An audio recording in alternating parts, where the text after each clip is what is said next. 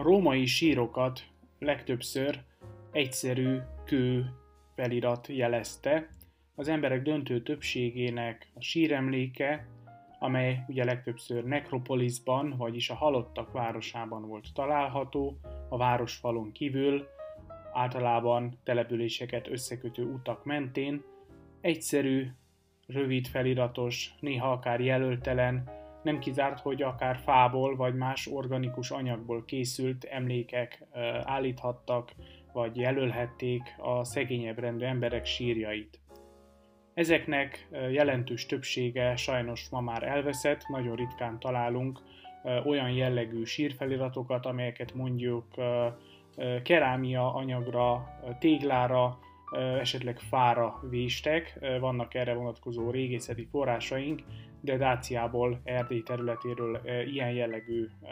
hát felirat vagy forrásanyag nem került elő. Azt viszont tudjuk, hogy a római társadalom tehetősebb rétege, és ez alatt értjük ugye a különböző politikai, katonai funkciót betöltött személyeket, illetve a városi elitben, városi, város életében nagy szerepet játszó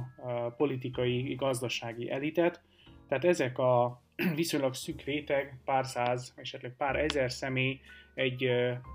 adott generáción belül, tehát ezek voltak azok, akik megengedhették maguknak, hogy a városfalon kívül elhúzódó, néha szakaszosan épülő, viszonylag hát haotikus, kaotikus struktúrát mutató nekropoliszokban az utak mentén gyönyörű szép síremlékeket emeljenek maguknak. A síremlék az nagyon változatos formát mutat Dáciában is. Vannak ugye sírsztélék, amelyek különböző motivumokkal, medalionokkal, timpanonokkal, néha ugye több keretes vagy több regiszteres felirat és figurális ábrázolás együtt szerepel ezeken a köveken, máskor még ennél is bonyolultabb, komplexebb épületformákat nyernek ezek a, a síremlékek, edikulák, vagyis ilyen mini templomszerű házi oltárok formáját imitálják, amelyeket sokszor funerális halotti oroszlánokkal, szfinxekkel, illetve különböző hát növényi motivumokkal, díszekkel, néha egy-egy vázával, kőből kifaragott vázával ábrázolnak. A legelitebb, vagy hát a leggazdagabb, tehetősebb réteg viszont mauzóleumokba, privát temetőkbe temetkeznek, ezek nem egyszer márványból készült, gyönyörű szarkofágok, magasított szarkofágokat ugye védő épületek, illetve hát tumulus, vagyis föld, földdel borított nagy síremlékek, amelyeket kővel borítottak, illetve egy kőből készült építészeti szerkezet díszítette ezeket a hatalmas sírokat amelyeket ugyancsak faragott kövekkel, díszekkel, különböző mitológiai jelenetekkel ábrázolt kövek hát ékesítettek. Tehát Dáciában leginkább ugye a városi környezetben találhatóak ezek a, a tehetősebb rétegnek az igen gazdag nekropoliszai. Úgy tűnik, hogy ezek a temetők viszonylag kevert, kevert temetők voltak, tehát az elit réteg és a szegény réteg nem mindig különült el teljesen külön temetőbe, viszont meg azért elkülöníthetőek néha a temetőn belül egy-egy rész, ahol a gazdagok vagy a tehetősebbek mondjuk nagyobb koncentrációban temetkeztek, ezek nem egyszer egy család, egy generáció vagy hasonló funkciót betöltött emberek lehettek, például a katonák, temetője az sokszor külön található. Tehát a nekropoliszok is sok mindent elmondanak az élőkről, ugye, azokról, akik eltemetik boltjaikat, de magukról a halottakról is, illetve hát a majdani halott végrendelete, ugye, az jelezte, vagy jelzi, hogy, hogy milyen státuszt képzeltő el magáról az adott társadalomban, hogyan szerette volna a, ugye a síremléken keresztül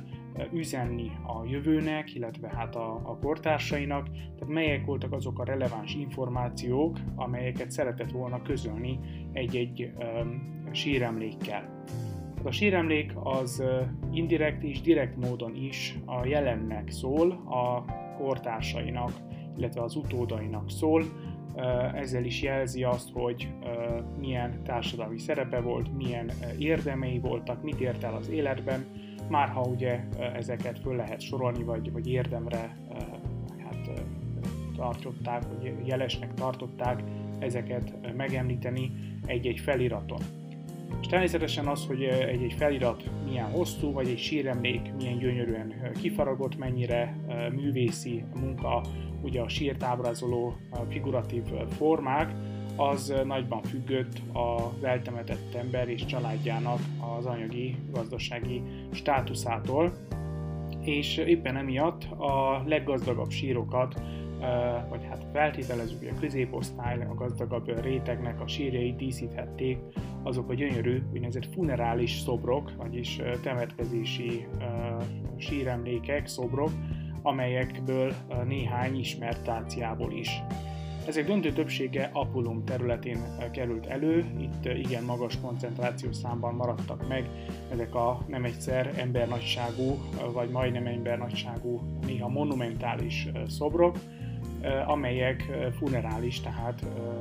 temetőjéből származó kontextust hát, utalnak. Sajnos ezek egyike sem került elő régészeti ásatásból, a funerális szobrok döntő többsége még a 19. század elején vagy a 12. század folyamán kerül elő,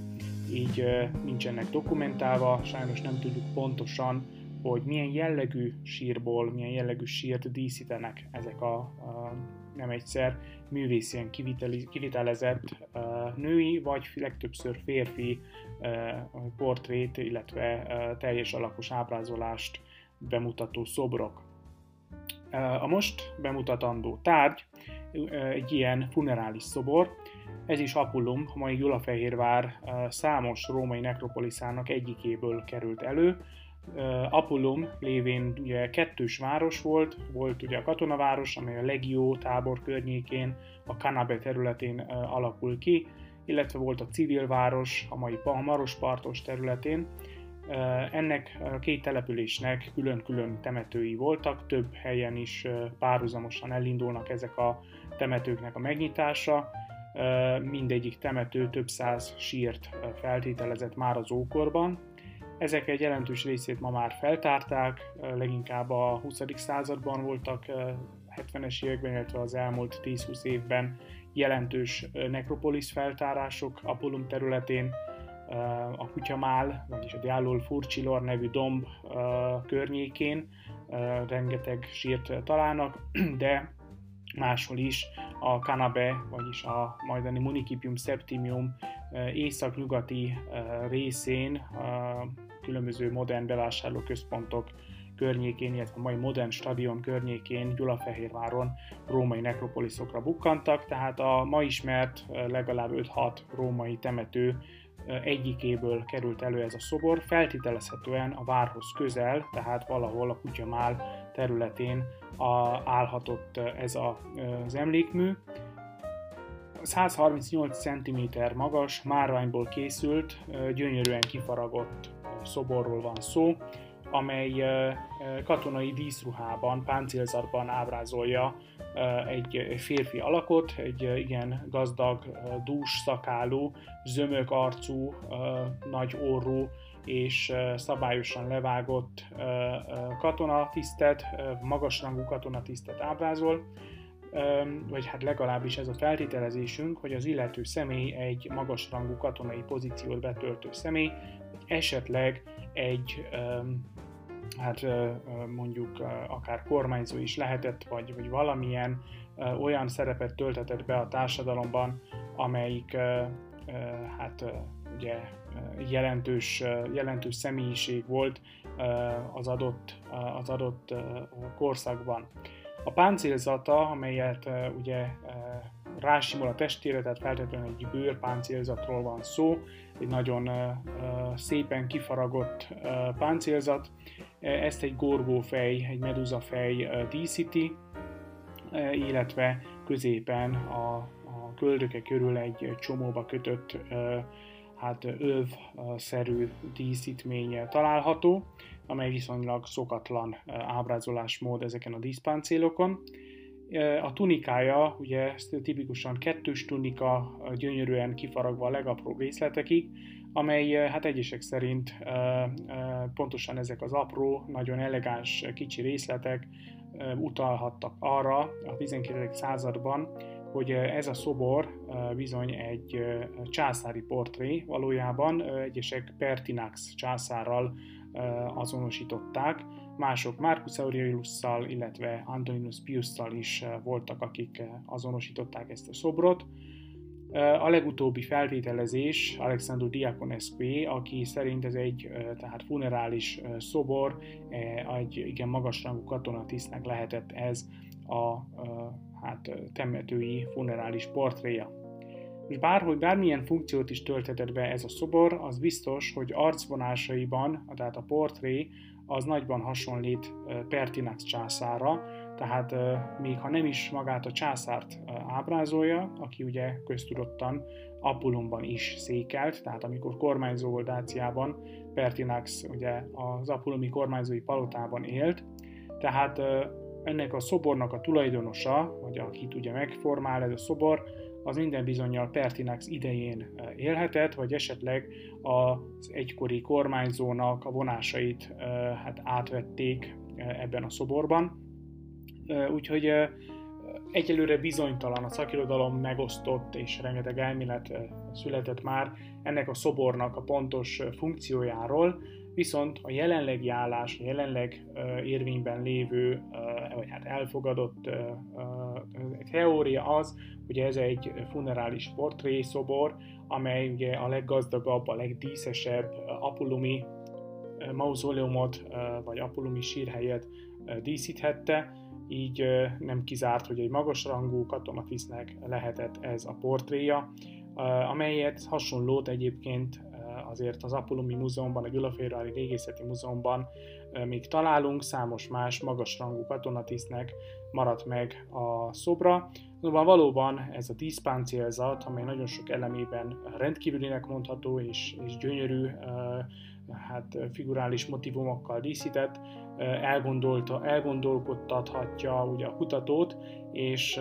és még hát nem zárhatjuk ki teljes mértékben azt, hogy ez a márvány szobor, 138 méter magas, töredékesen fennmaradt szobor, hát akár egy császárt is ábrázolhat, vagy, vagy esetleg Pertinaxot, mint kormányzót.